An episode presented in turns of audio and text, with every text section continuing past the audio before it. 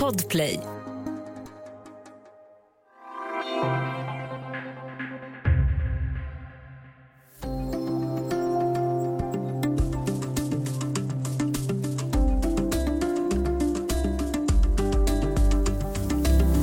Belarus skakas av en politisk kris sedan presidentvalet i augusti 2020.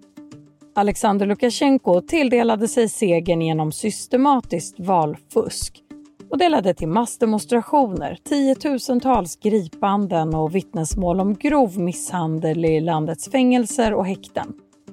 Hur ser det politiska läget och situationen för oppositionella Belarus ut idag? Välkommen till Studio DN med mig, Ylke Holago.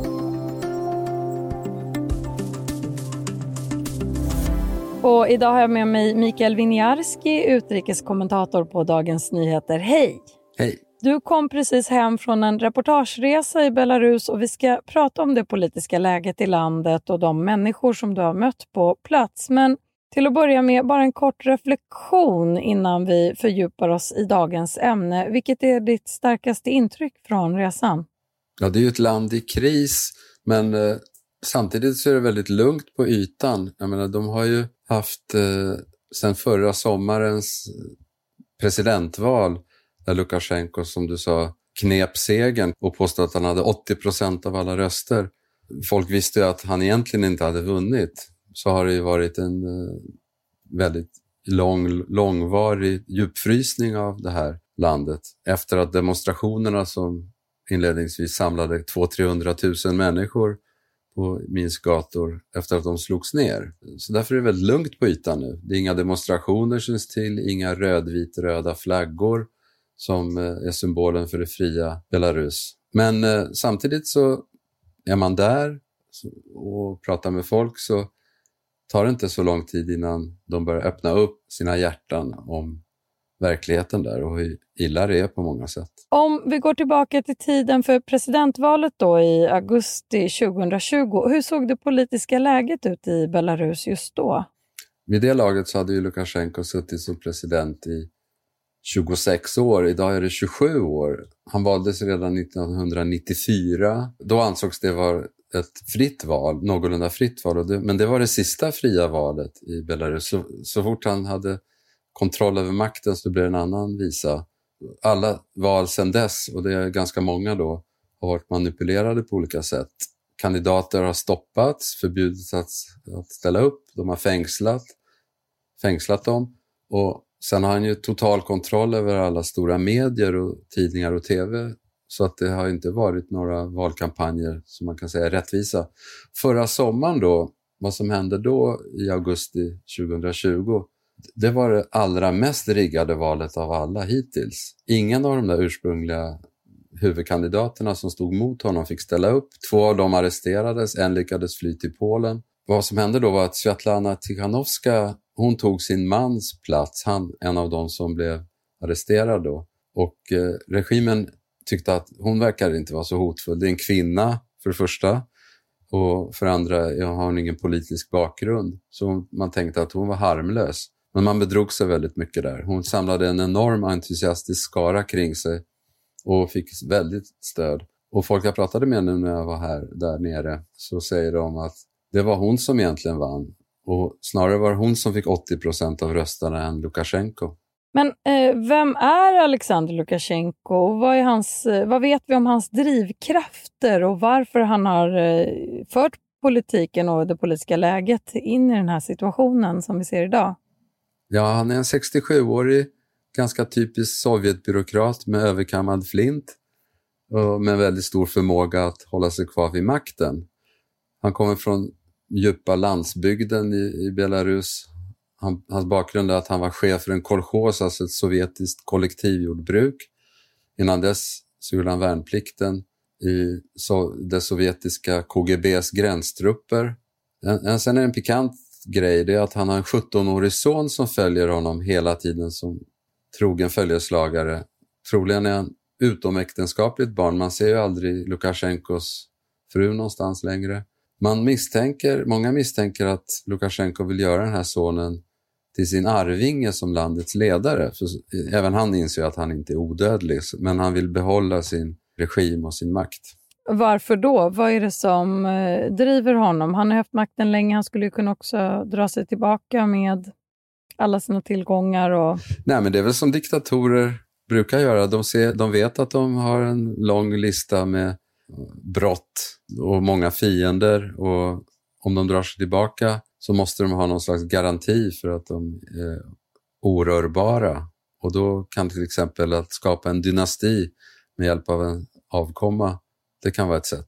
Och du nämnde ju här att eh, när han ursprungligen valdes så var det sista egentligen fria valet i eh, Belarus. Hur har Lukasjenkos relation till oppositionen förändrats under hans tid vid makten?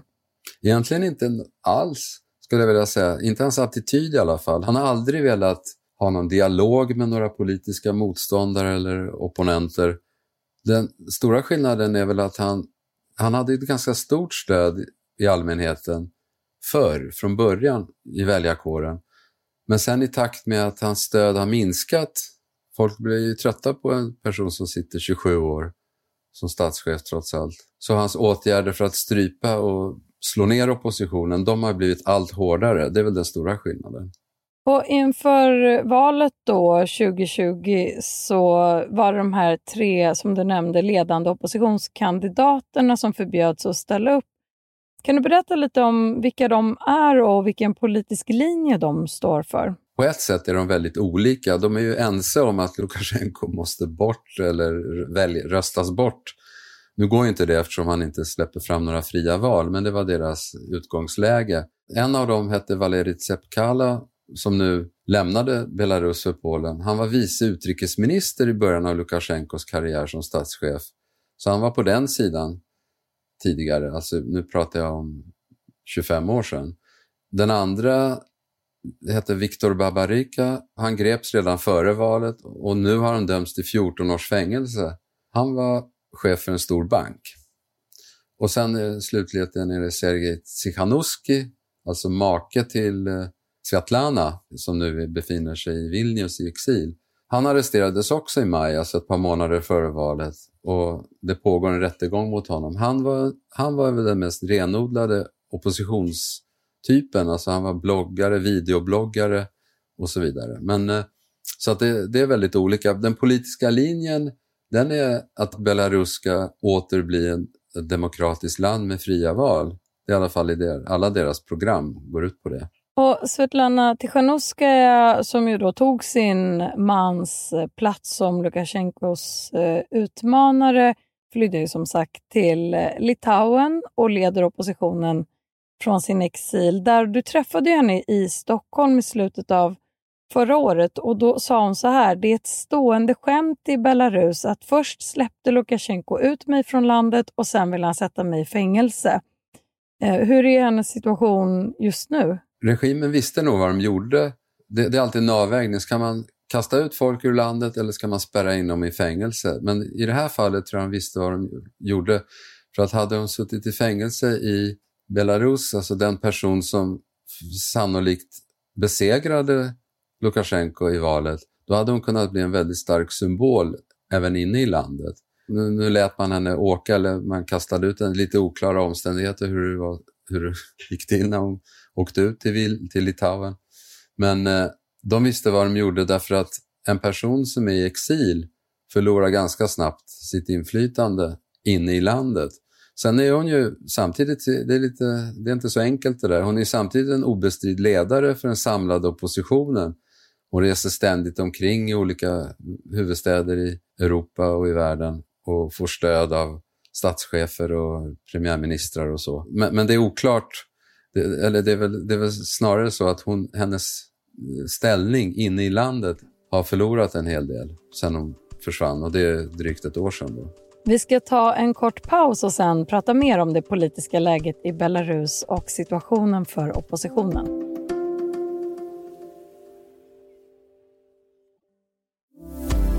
Du lyssnar på Studio DN där vi idag pratar om läget för oppositionen i Belarus. Mikael Winiarski, du kommer just hem från Belarus och där eh, har du både besökt mindre orter på landsbygden men också träffat gripna oppositionellas familjer i Minsk. Hur upplevde du skillnaden i attityder på olika håll i landet? Alltså utgångsläget var ju att det är på landsorten som Lukasjenko alltid har haft sitt basområde, sitt stora stöd. Dels på grund av vem han är som en kolchosdirektör från början, och, men också att det, det, det är inte den utbildade allmänheten bor ju inte i de här småstäderna eller byarna ute på landet. Så det, det intressanta var ju att folk, när jag pratade med folk ett par timmar från Minsk då, så var ju alla ju väldigt försiktiga. Det finns en viss rädsla för att prata förstås eftersom alla vet att regimen håller koll på vad folk säger. Det tog en stund innan man lyckas få folk att öppna sig. Men, det fanns en, men, men man märkte ändå att det fanns en viss uppgivenhet där och att eh, det inte är så massivt stöd för Lukasjenko som man kan tro eller som det var tidigare. I storstäderna är, ligger också folk lågt. Riskerna är väldigt stora. Där är det kanske större bevakning till och med på, på människor. De vet vad som väntar om de skulle bli arresterade och anklagade. De, de anklagelserna kan vara extremism och numera plockar regimen fram terrorism också som en anklagelse. Därför att man, nu har man hittat fall där man påstår att oppositionella börjar ta till vapen och så. Men det, det finns inte så mycket belägg för det ännu, att det skulle existera något sånt väpnat motstånd. Utan det här, det, i stora drag har det varit enormt fredligt, det här oppositionen.